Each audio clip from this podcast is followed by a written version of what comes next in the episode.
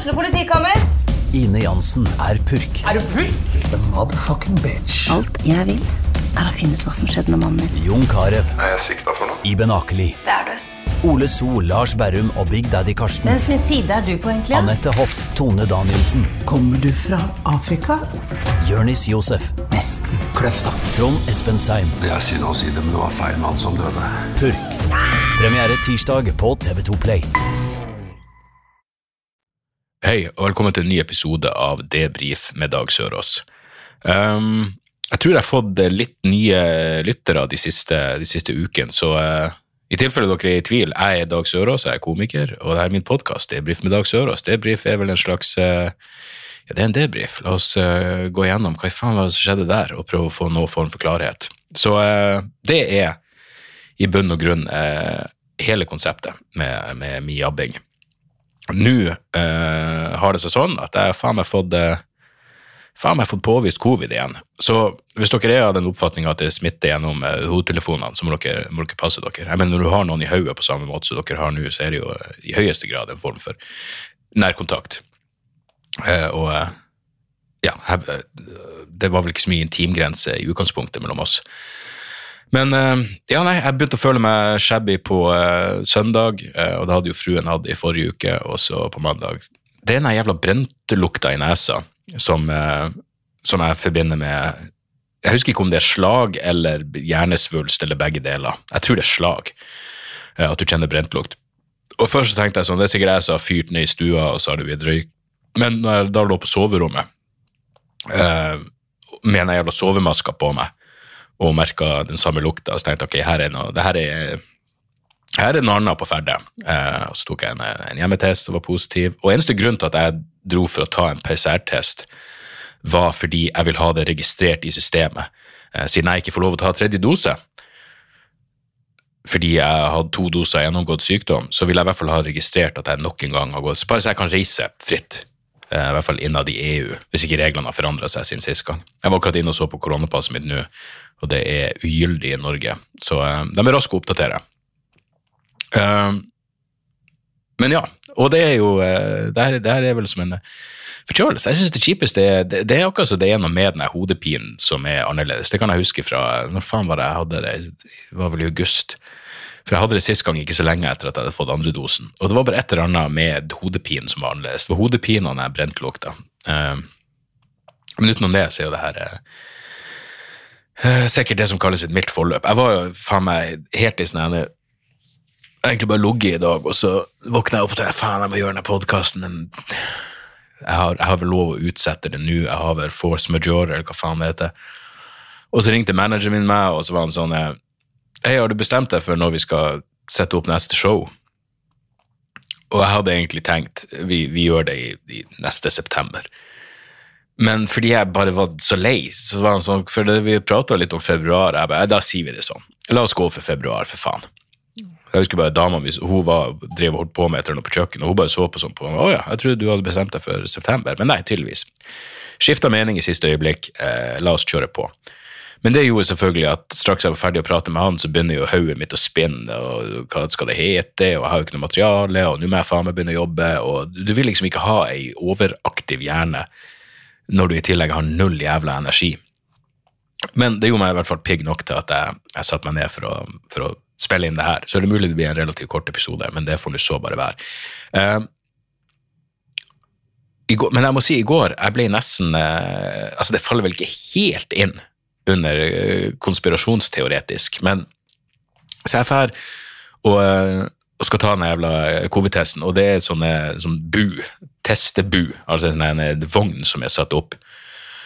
Og eh, jeg hadde bestilt en PCR-test på søndag, og så satt jeg, jeg ville ha det på, på den bua som er i nærheten av der jeg bor, og så fikk jeg ikke det. Jeg, måtte, jeg fikk at jeg måtte ut på Lambertseter på mandag, og så var jeg sånn, faen, ja, jeg, jeg gidda rett og slett ikke. Eh, Jeg tenkte sånn, jeg vet ikke om det her er covid, trenger det- Ja, du vet jo hvordan man kan uh, unngå en, eh, en avtale. Og så bestilte på mandag følte jeg meg såpass jævlig at jeg tenkte ok, jeg må bestille en ny en. Så jeg på nytt la jeg inn at jeg ville ha den teststasjonen, og nå fikk jeg plutselig uh, sånn, nei, du kan velge, og bare to timer etterpå kunne jeg velge en time. Så jeg går bort dit et, til en teststasjon. Min time er klokka 14.12. Og når jeg kommer bort til bua, så er den stengt.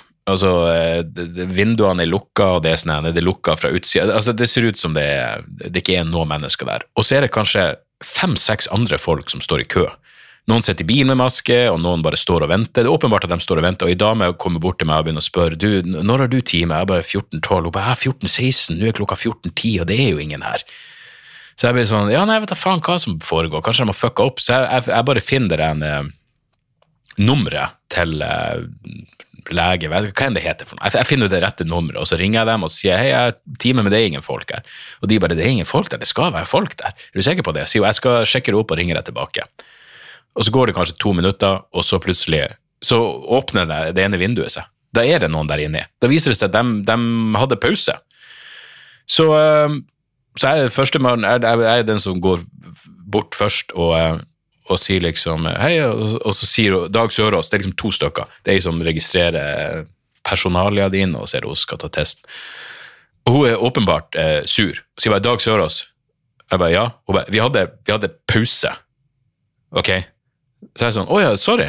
Og da viser det seg selvfølgelig de hadde pause, og jeg var nestemann eh, eh, som de skulle servere. Så de hadde ikke tenkt å lukke opp vinduene før klokka 14.12. da. Men det står jo fem-seks andre i kø, og jeg regner jo selvfølgelig med min helt fuckings plausible og logiske antakelse er jo at de andre folkene har time før meg. For hvem faen møter opp til en halvtime før til en test ute? Det gir jo ingen jævla mening. Men det viser seg jeg er tydeligvis først i køa. Så nå virker jeg som en kuk. Nå virker det som om jeg kommer dit et, klokka er 14.12, det er ingen der, og jeg ringer og klager. Det var jo selvfølgelig ikke det, jeg er jo hakket mer tålmodig enn det, men nå er jo der eh, dama åpenbart fuckings sur på meg. Fordi jeg ringte og masa, hun har vel blitt oppringt. Hvor faen er dere hen? Hun bare, vi har bare pause, og så får hun bråk med sine overordna. Igjen, det var jo faen ikke meninga. Så her er grunnen til at jeg vet at hun var forbanna på meg. Det var tonen hennes, men den kan jo misforstås, for jeg er jo kjent for å ha en tone som kan misforstås. Men hun sier til meg, kan du ta på deg munnbind? Så jeg bare, ja, det kan jeg. Men skal jeg, vi, og liksom Før jeg får sagt noe, så avbryter hun meg. Kan du ta på deg munnbind? Jeg skulle bare si at ja, ja, men nå var kona mi her eh, for eh, fem dager siden og tok en test. Hun fikk beskjed om å ikke ha munnbind på seg fordi vi er ute. Vi er tross alt ute. Det er ingen andre mennesker i nærheten. Du står bak om et et fuckings pleksiglass, og du har ei sånn maske på deg. Så jeg tror du er ganske trygg. Og vil du virkelig at jeg skal ta på meg munnbindet mens jeg prater med deg, og så skal jeg ta av meg munnbindet og bevege meg bort 30 cm og ta testen? For det gir ingen fuckings mening. Nå er det bare vanskelig fordi du er fuckings sur. Ok? Og så eh, Ja, så whatever. Hvem faen bryr seg? Så går jeg bort for å ta testen, og da sier hun Dag Sørås, ja. ja eh, vi må ta Hva hun kalte det? Invaderende? Eh, eh, hva er slags ord hun brukte? Så sa hun vi må ta eh, nese og hals. Og her er min fuckings konspirasjonsteori. For nå har jeg tatt den jævla covid-testen så mange ganger. De er jo bare litt oppi nesa di. Og hvis det er noen av dere som vet, rop ut. Men eh, de vanligvis er de jo bare litt oppi nesa di, det er jo så fuckings behagelig. Nå skulle hun faen meg tilbake til old school med gagging og fuckings Du er med i en jævla Max Hardcore-film. Nå skulle hun ned i, i, i fuckings drøvelen min og pirke, og så skulle hun ta den helt opp i hjernen min. Alt det der pisset. Og jeg sto der Det var et helvetes liv. Det skal ikke være sånn. Vi er kommet lengre, er vi ikke det? Eller det er jeg som fuckings misforstår et eller annet? Så min teori var selvfølgelig Hun var irritert på meg, så derfor tar hun den gammeldagse testen med meg. Og hadde jeg hatt noe fuckings vett, så hadde jeg jo stått igjen for å se henne neste bli testa. Bare for å se om hun måtte gå igjennom det samme. Men det blir litt sånn creepy. Og jeg, jeg kunne jo, jeg er jo jævlig god til å late seg i mobiltelefonen og, og alt det der, og så kunne jeg sett hva som skjedde. Men det, det falt meg ikke inn. For jeg var i relativt ræva form og ville bare komme meg hjem. Så det er ikke helt på fuckings uh, Joe Rogan-nivå, håper jeg, å tro at hun uh, at hun tok den gammeldagse testen bare for å være cheap med meg. Eh, men uansett.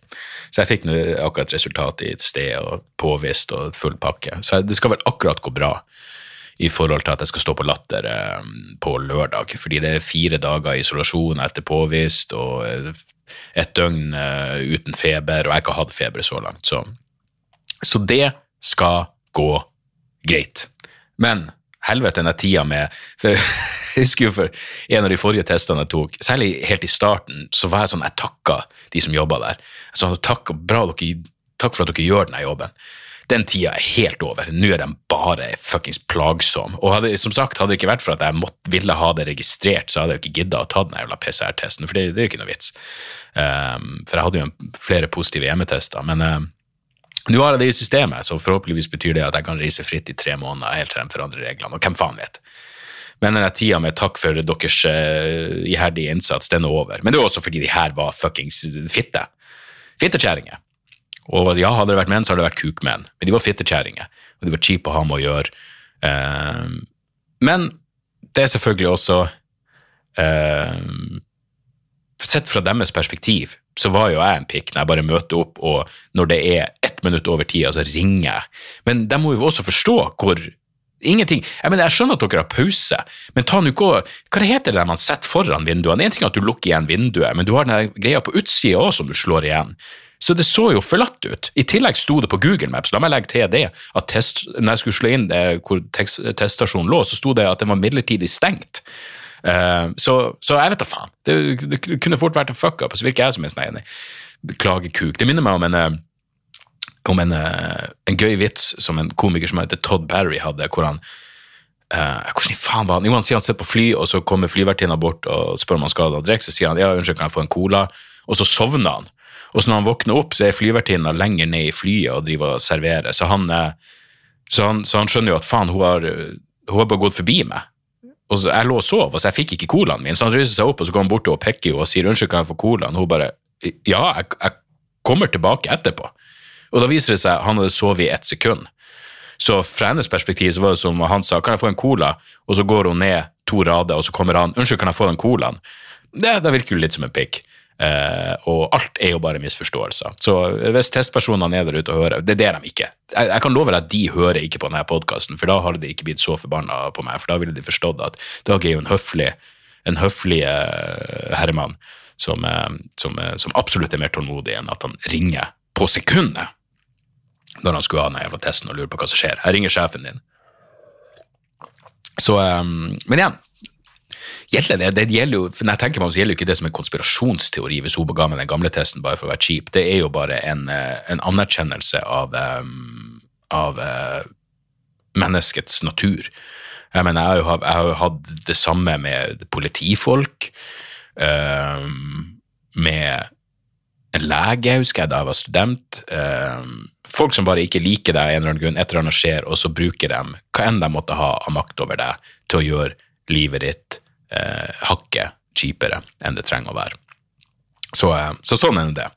Eh, og siden jeg nevnte Rogan, og, og ja, det har selvfølgelig fortsatt å være en greie eh, Ja, jeg syns han er en, en, en uh, fuckings uansvarlig og potensielt Jeg mener uansvarlig og potensielt farlig konspirasjonsteoretiker, men jeg tror virkelig ikke han er noe jævla rasist.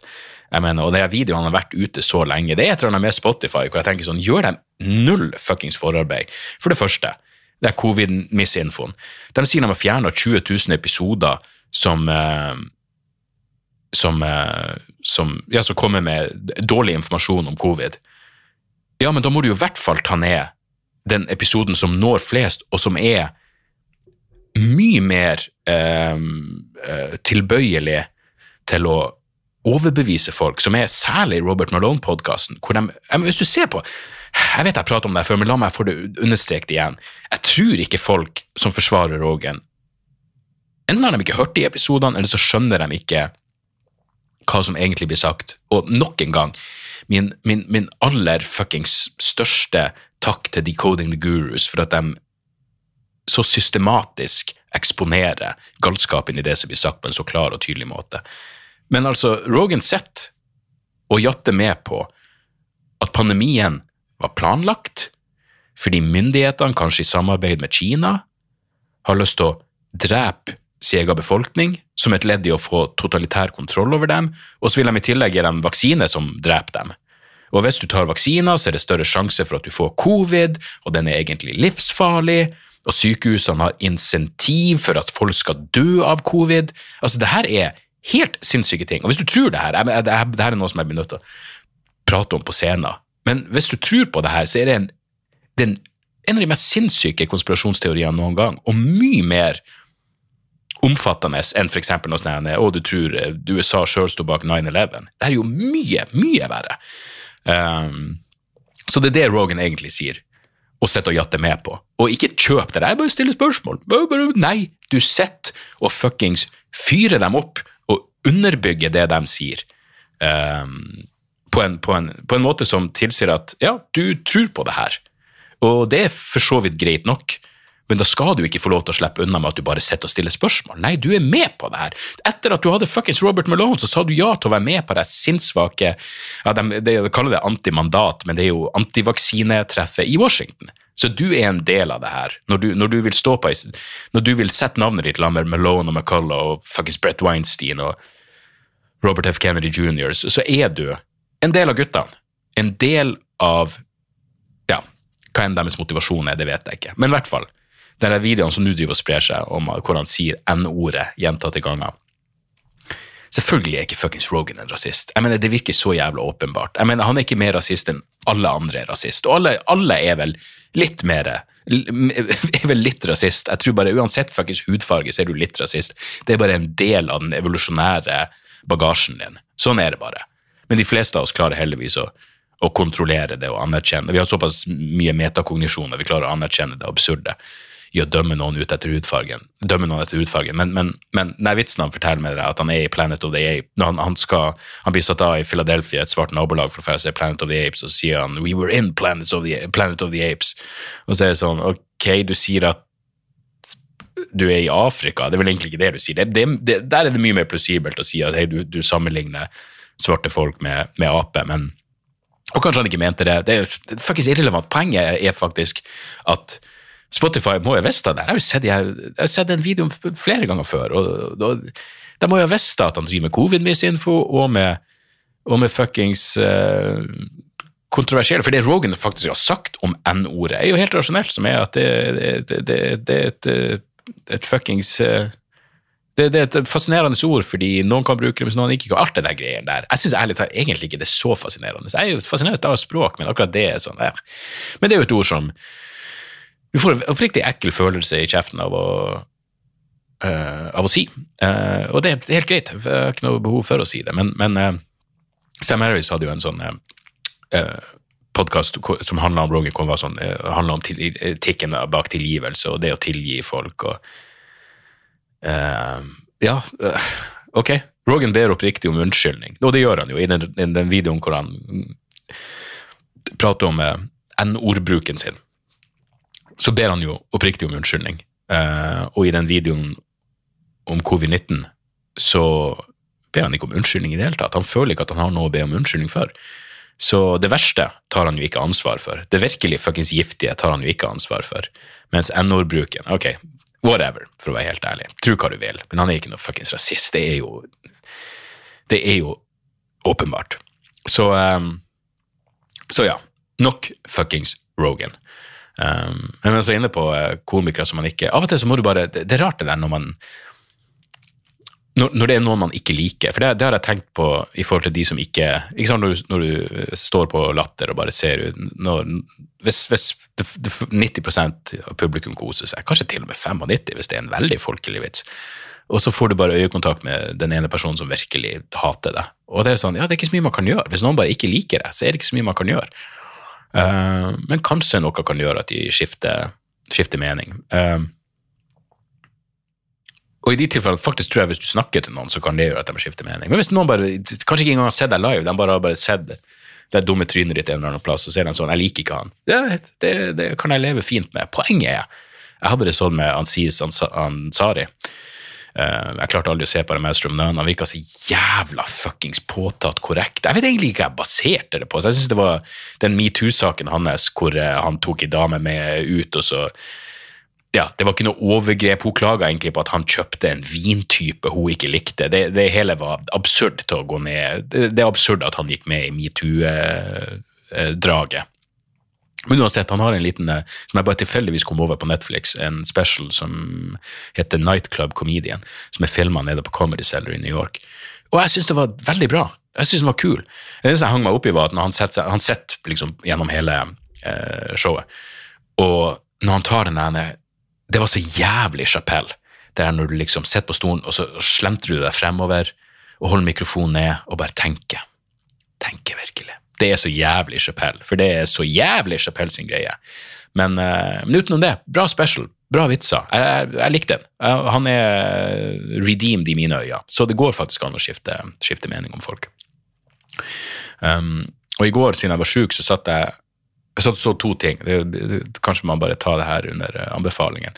Jeg så alle episodene av Ida tar ansvar, som var en eh, eh, søt og egentlig ganske Jeg vet da faen. Jeg, jeg syns den var original, annerledes. Det var ikke jeg, jeg likte den. Det var, det var ikke perfekt, men det var, altså premisset til Ida tar ansvar er jo bare at ei som er sånn overnervøs eh, ung psykologistudent som, som eh, kommer i kontakt med en sånn incel-fyr, og så er hun redd for at han skal gjøre ei skoleskyting, så det handler liksom om eh, eh, bare, Derav tittelen 'Ida tar ansvar', og puler han for å hindre at han gjør ei skoleskyting.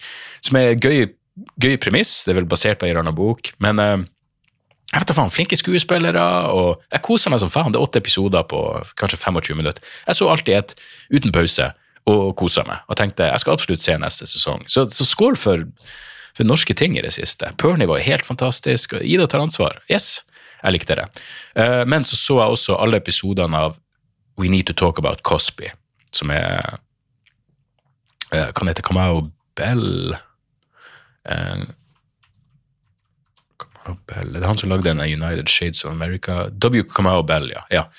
Um, en eh, standup-komiker. Jeg, jeg, vet, jeg tror ikke jeg har sett noe av standupen hans, men uh, som sagt, han lagde en annen bra dokumentasje. Uansett, han lagde en serie om, om Cosby som var jævlig bra.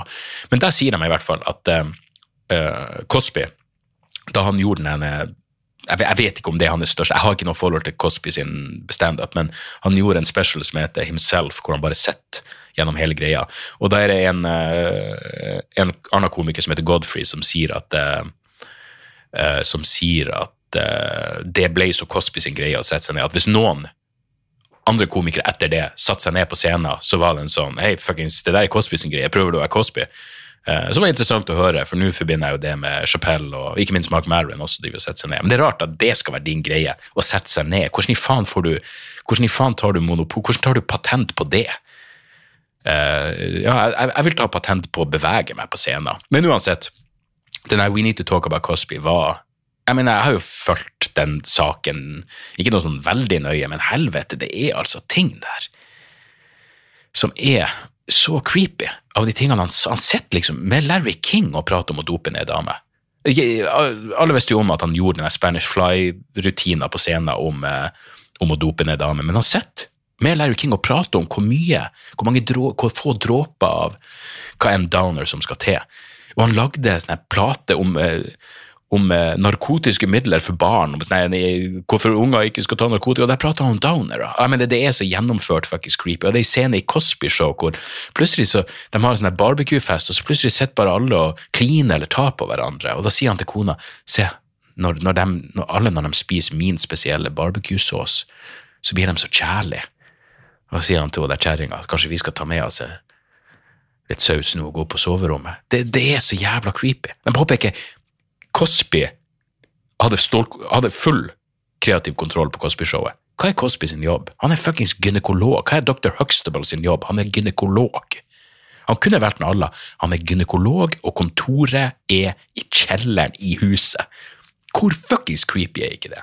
Men i hvert fall, det er ting som virkelig merk, som satte seg i hodet mitt. Og det her som sagt er en dokumentarserie eh, på fire timer til sammen. Virkelig verdt å se. Um, men en, person sier um, på samme måte som Fordi det, det legges jo opp til at Cosby kultiverte denne personen som hele Amerikas pappa. Nest, bevisst eller underbevisst, som et ledd for å slippe unna med alt det sosiopatiske, monstrøse faenskapet han gjorde. Uh, og det er verdt å understreke, da, hvis han Han er muligens den verste serievoldtektsforbryteren i amerikansk historie. Det er verdt å ha i bakhodet. Men eh, en person sier, på samme måte som du kan ha noen som som, liksom, som, som forbindes med én type rolle. Hvis de kun spiller bad guys, så blir det vanskelig å skille den personen fra karakterene. Uh, jeg vet ikke hva det skulle være. Hannibal Lecter. Det klart, er jo Anthony Hopkins så mye mer enn det, men det var sikkert en stund hvor alle var sånn Når du ser uh, På 90-tallet, hvis du så Anthony Hopkins, så tenkte du Hannibal Lecter. Det er vanskelig å skille han, og det er sånn, kanskje han er en kannibalistisk eh, seriemorder innerst inne, hvem vet?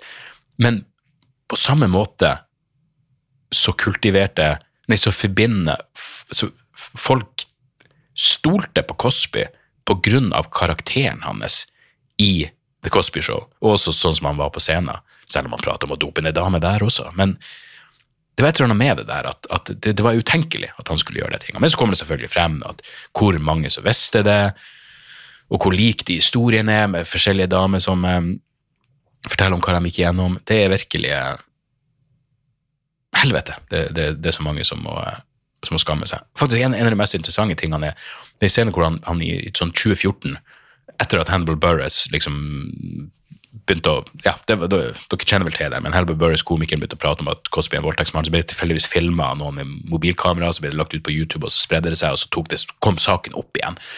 Og så blir Cosby spurt om det her eh, mens det pågår, og da sier han vi, vi, vi snakker ikke om det. Men så er det noen som har filma etter at intervjuet er ferdig, og da begynner Cosby å prate til han eh, journalisten. sier han, jeg vil eh, håpe at du eh, fjerner det der helt. Eh, Jeg vil håpe at du sender ikke det jeg sa der. For jeg vet at jeg sa jeg har ikke noe å si om det, men, men jeg vil gjerne at du fjerner at, det, at du i det hele tatt stiller det spørsmålet. Og journalisten sier ja, det kan jeg sikkert, jeg tror kanskje ikke det har noe verdi. Og så begynner Cosby å prate til en av de andre som jobber der, kan du se til, kan du ringe sjefen hans og si til liksom, at hvis han tror han skal ha en videre karriere som journalist, så, så kan det kanskje være i hans interesse at dere fjerner det der. Det er den samme typen fucking sosiopatisk retorikk. Så hvis du noen gang, hvis du hørte den eh, Catch and Kill-podkasten om Harvey Weinstein, hvor det er ordentlige opptak av når han prater med damer og prøver å manipulere dem, det er akkurat den samme greia. Det, kunne, det her er faen meg når du kunne lært ungdom på skolen hvordan du ikke skal Eller tegn på en fucking sosiopat. Um, er akkurat den der. Det, det, den der formaning om at ja, hvis, du, eh, hvis du vet hva som er i din interesse, så vil du Det minner meg, Jeg nevnte Max Hardcore, han er grusomme Han sitter vel inne nå. Pornoprodusenten. Husker det var en sånn dokumentarserie hvor han om ei ung britisk dame som var eh, ja, veldig sløv kniv. Um, men hun hadde akkurat fått en unge, og så var hun sånn Jeg vet ikke hva jeg skal gjøre, jeg mista jobben min på eh, den lokale med fuckings uh, matsjappa, så hva skal jeg gjøre? Jeg, jeg må dra til USA og bli revkjørt av Max Hardcore. Hva annet skal jeg gjøre? Så er det i hvert fall, De har filma når hun møter han for første gang, og det er bare creepy og ekkelt. Eh, og så skal hun gjøre ei scene med han, og da har hun Da har de liksom De filmer når han prøver For hun sitter plutselig gråtende, ikke overraskende nok, mens Max Hardcore skal prøve å overtale til, til at han skal få lov å jeg vet da faen, pisse i ræva hennes og få henne til å spy. Jeg vet, Gudene vet, grusomt menneske, men i hvert fall. Da hører du han sier til henne sånn, det her handler om din karakter. Det er akkurat i det her øyeblikket du ser hva du er lagd av. Ikke sant? Det er den samme manipulerende tonen som du finner i Cosby og Harvey Weinstein også. Satan, for noen creepy, grusomme mennesker. Ehm, utenom det Det var en annen sak. Jo, eh, jeg så en sak Jeg, jeg prata om det her i Patrion-episoden eh, litt, men, men Jimmy Carr Helvete så manipulative Dagbladet er. Jeg mener, det her, det her er det, Jeg vet at det er clickbait, men det er så på grensa så du får det. Så la meg bare finne den saken her. For Jimmy Carr er jo i, i hardt vær, som det så fint heter, fordi han har en vits i det siste Netflix-showet sitt, som noen nå plutselig har begynt å reagere på. Og jeg faktisk, Det er det eneste jeg har sett av Jimmy Carr. Jeg så hele det showet. Uh, den, den der typen one-line-humor hvor du bare er en karakter, er er ikke min greie, men han er jo så flink eh, til det som, som, som han blir. så så jeg så den, og jeg så selvfølgelig den holocaust-vitsen, og tenkte ikke på den som så veldig eksepsjonelt bra. Jeg syns egentlig den var ganske middelmådig. Eh, men det er noe interessant med det. Eh, men uansett, la oss ta Dagbladet først. Så Dagbladet har eh, i, her er overskrifta på forsida. I hardt vær. Kan være ferdig. Og så er det en sak om Jimmy Carr. Kritikken hagler etter holocaust-vits om sigøynere i hans siste Netflix-special. Um, ja, og, ja, folk fra Holocaust-senteret uttaler seg. det, det, De har vel faen ikke hørt om Jimmy Carr, og så plutselig får de bare denne vitsen, eh, vitsen servert. Og vitsen er eh, ja, bare sånn som de har oversatt til norsk. Når folk snakker om holocaust, snakker de om tragedien og grusomheten av at seks millioner jødiske liv gikk tapt i den nazistiske krigsmaskinen. Men de snakker aldri om de mange tusen sigøynerne som ble drept av nazistene. Ingen snakker om dem, fordi ingen vil snakke om de positive tingene. Se for deg at du tar den til Holocaust-senteret, som vel, si hva du vil om Holocaust-senteret, ikke kjent for sin humor, ikke kjent for sin distanserte eh, holdning til holocaust. Eh, men han har tråkka over streken. Uansett, så når det står i hardt vær og kan være ferdig, hva tenker du da? Eh, du tenker vel at Helvete, hvor lang denne saken er. Jesu navn, hvor mange dagblad jeg har snakka med. Men kan være ferdig. Da, da, da er det jo virkelig tydelig at han kan være ferdig pga. denne vitsen. Men under kan være ferdig, står det. Jimmy Carr har i skrivende stund verken beklaga eller kommentert innholdet han er kritisert for. Ifølge BBC skal han ha fortalt en Manchester-publikum at turneen han for tida er på, kan være hans siste. Ja, så han har jo ikke tenkt å slutte fordi han er i hardt vær, men fordi han er lei, eller har lyst til å gjøre noe annet, eller har nok penger, eller ikke gidder mer det, mener, det, er så jævla misvisende. Men igjen, det er fuckings Dagbladet, det er clickbait, det er moderne journalistikk. Fuck det. Men på mange måter så syns jeg denne vitsen Fordi jeg, jeg begynte å tenke litt på det. Så tenkte jeg, ok, hvorfor funker den? Uh, hvorfor funker det med sigøynere? Hvorfor ikke f.eks. homofile? Ikke sant? Nazistene drepte jo tusenvis av homofile. Men hvis han sa den vitsen uh, De drepte også tusenvis av homofile, men ingen vil snakke om de positive tingene. Det ville ikke funka. For folk er sånn Hæ, hvorfor, hva som er gøy med det? Det er ingenting galt med homofile. På mange måter så understreker denne vitsen eh, moralsk fremgang når det kommer til homofile, og mangelen på moralsk fremgang når det kommer til våre syn på sigøynere eller romfolk. Fordi den funker kun fordi romfolk er diskriminert. Jeg syns jo det er synd at han ikke bare sa Jehovas vitne. Jeg mener, Nazistene drepte jo Jehovas vitne i holocaust også, fordi da hadde vitsen vært morsomt, men du kunne forsvart den rent estisk også. Ikke sant? Ingen ser på de positive tingene. Færre Jehovas vitner. Det er vi alle enige om er, er en bra ting, og så er det gøy i tillegg. Så du mista en sjanse der, Jimmy, men uh, uansett bra for deg. Og, uh, og digg når komikere vet at de er såpass store at de trenger ikke å kommentere hva er slags fuckings fjas. Det er jo perfekt. Han skal jo komme til Norge nå, det er jo perfekt. Det er jo managementet mitt som har fått han over. Jeg skrev med en gang til manageren min vi må lage en jævla vi må lage en falsk eh, kontrovers før min neste turné også, som kommer fortere enn jeg hadde tenkt. La oss ta den linje når jeg sier i vrangforestillinga at uh, jeg sier et eller annet om at hvis jeg skulle utrydde jødene, og jeg lover ingenting la oss, la oss, send, send, den til Holocaust-senteret, helt ute av kontekst, og så ser vi hva de syns. Tipper de ikke er fans. Men, uh, men ja, det gjelder å jobbe frem med nytt materiale nå, og nå skal jeg jo på jeg skal jo på en turné eh, en Latter live-turné. Og det blir jo interessant. Eh, da jeg ble spurt, så, så, sa han bare jeg har lyst til å være på en turné, og eh, det er liksom torsdag, fredag og lørdag i hele mars. Og jeg bare absolutt, jeg trenger å jobbe frem nytt materiale. Jeg sa bare ja. Jeg spurte ikke hvem andre er med. Eh, men det viser seg da at jeg skal på turné med Christer Torjussen, en gammel ringrev i bransjen, og Janne Formoe. Janne Formoe er med på turneen. Så det er meg. Det er, det er å si det, det er Christer, og det er Janne, og det er Dag. Og det er jo en, eh, en eklektisk, eklektisk miks, for å si det meget, meget mildt. Eh, så det skal bli spennende å se hvordan folk som tar turen, og det skal bli spennende å se hvordan de kveldene blir. Eh, variert, vil jeg tippe. Om ikke noe annet så blir de i hvert fall eh, variert. Og utenom det så booker jeg bare alt jeg kan av klubbgigs, og så er tanken eh, prøveturné til, til, høsten. Og så, eh, så, ser det ut at vi kjører i gang i, i, i februar. Så ja. Sånn er en gang det. da er vi faen meg på over halvtimen. Jeg tror jeg tar meg friheten til å avslutte akkurat nå, for jeg er ikke helt på plass i hodet, så får jeg heller komme sterkere tilbake.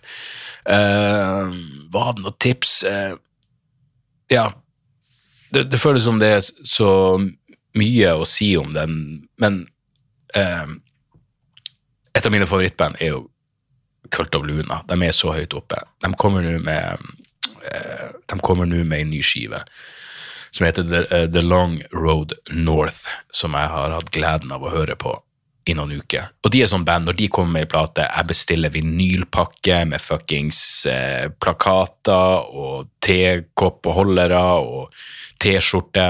De er liksom et sånn band for meg.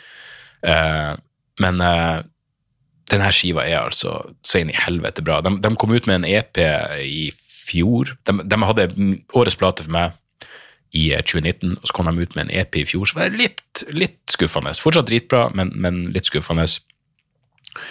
Men nå er det altså denne planen. Det er altså så jævlig altså, Hvis dere vet, så vet dere. Men eh, det er altså så stemningsfullt, og du blir så sugd inn i det når du hører det her fra start til slutt. Og det er en låt der som heter Blood Upon Stone, som bare er Å, helvete. Helvete. Hvis du liker det her eh, heavy, forstyrrende, neurosis-inspirert postrock Jeg skal ikke si neurosis-inspirert for lenger, fordi Cult of Luna gjør sin helt egen greie. Helvete, jeg elsker de svenskene. Uh, og eh, ja, det her er jo åpenbart en type musikk som ikke er for alle. Men, eh, men hvis du vet, så vet du. Jeg mener, Blood Upon Stone, satan. Sjekk den skiva. Eh, The Long Road North når den kommer på, eh, på fredag, for den er helt fantastisk. Og jeg var akkurat inne og så at min bestilling av vinylen skal ankomme i morgen. Så jeg gleder meg noe så jævlig. De har også en helt sinnssykt fet Når du får vinylen, så er det et Instagram-filter som du tar bilder av får opp. Jeg, følg meg på Instagram, Dag Soras. Jeg skal legge ut det i morgen når jeg får den. For jævlig, Det er det kuleste Instagram-filteret jeg har sett eh, til vinylen. Um, så, um, um, ja. Og så Karna. Du, jeg må innrømme at jeg så også det her Pam and Tommy. Jeg gjorde det. Eh, litt sånn eh, eh, moralsk gråsone, hele greia. Fordi den Så vidt jeg har forstått, så ripper den i noe som Pamela Andersen ikke ville skulle rippes opp i, og som hun ikke ville skulle komme ut i utgangspunktet, men det handler selvfølgelig om den berømte sextapen. Som jeg aldri Jeg jeg rukket mye rart, og jeg var veldig kåt på Pamela Andersen. Selvfølgelig. Jeg er født i 78, Baywatch var akkurat i rette tida for meg, men, men jeg husker en kompis som jeg hadde den originalen, VHS. Kjøpte eh, VHS-en. Og eh, kanskje det var noe med da at det virka så jævla For jeg kan huske at selv som en, som en fucking sprengkåt eh, ja, Hva kunne vært når det her skjedde? 15, whatever, rundt der, liksom. Så, så var det akkurat så det her føles for personlig. Det føles som du ser på noe som som du egentlig ikke har noe med. Jeg mener, Det er noe i det. Det, det er noe annet. Jeg, jeg husker jeg hørte en fyr prate en gang om sånn VR-porno, hvor han kom inn på et hvor han kom inn og sa det var jævlig bra om du kom inn i et soverom, og så var det noen som lå og pulte på senga, og så skal liksom du hive deg med hvis du føler for det, eller et eller annet. Men han sa det føltes som han ikke hørte, hørte hjemme. Um, så, men uansett, vi snakke om det? For poenget er bare at denne serien var helvete for et gigantisk anus av et menneske Tommy Lee fremstår som. Jeg trodde liksom, jeg bestandig sett på han som stokk fuckings dum, men, men, men i bunn og grunn relativt godhjerta. Men eh, her fremstår han jo som et totalt rasshold. Jeg mener et psykopatisk rasshold som bare setter hagle i trynet på folk som prøver å bygge ting for han.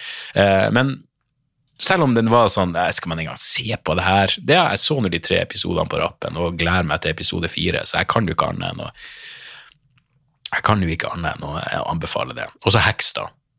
Eh, altså H-A-S-K-S på HBO Max. Eh, jævlig fin serie om eh, alt- Jeg mener, jeg elsker jo alt som er standup-relatert. Og den, den er vel basert på Joan Rivers, etter så jeg forstår. Eh, men veldig fornøyelig og bra. Det, det er liksom så bra når en serie som handler om standup, behandler standup på en relativt ordentlig måte, på samme måte som Marvelous Miss Maisel. Um, som kommer med en ny sesong neste helg, og helvete hvor jeg gleder meg. Men, men uansett, nok jabbing. Uh, sjekk ut i hvert fall det nye Cult of Luna, det er det aller viktigste. The Long Road North. Um, det var det. Eh, takk for at dere hører på. Patrion.com slash Dag eh, hvis dere vil ha eh, bonusepisoder. Jeg har fått et par mailer til min debrief-konto som jeg skal eh, som jeg tenker jeg tar i, i neste uke. Jeg starter litt sånn på scratch der, men eh, jeg har fått et par som jeg har lyst til å eh, kommentere. Jeg tar det neste uke. Så du som vurderer å flytte til Narvik, eh, du får svar neste uke. Ok, jeg håper det går bra med dere der ute. Vi høres, vi høres snart igjen. Tjo og motherfuckings hei. Moderne media. Har du et enkeltpersonforetak eller en liten bedrift? Da er du sikkert lei av å høre meg snakke om hvor enkelt det er med kvitteringer og bilag i fiken, så vi eh, gir oss her, vi. Fordi vi liker enkelt. Fiken superenkelt regnskap.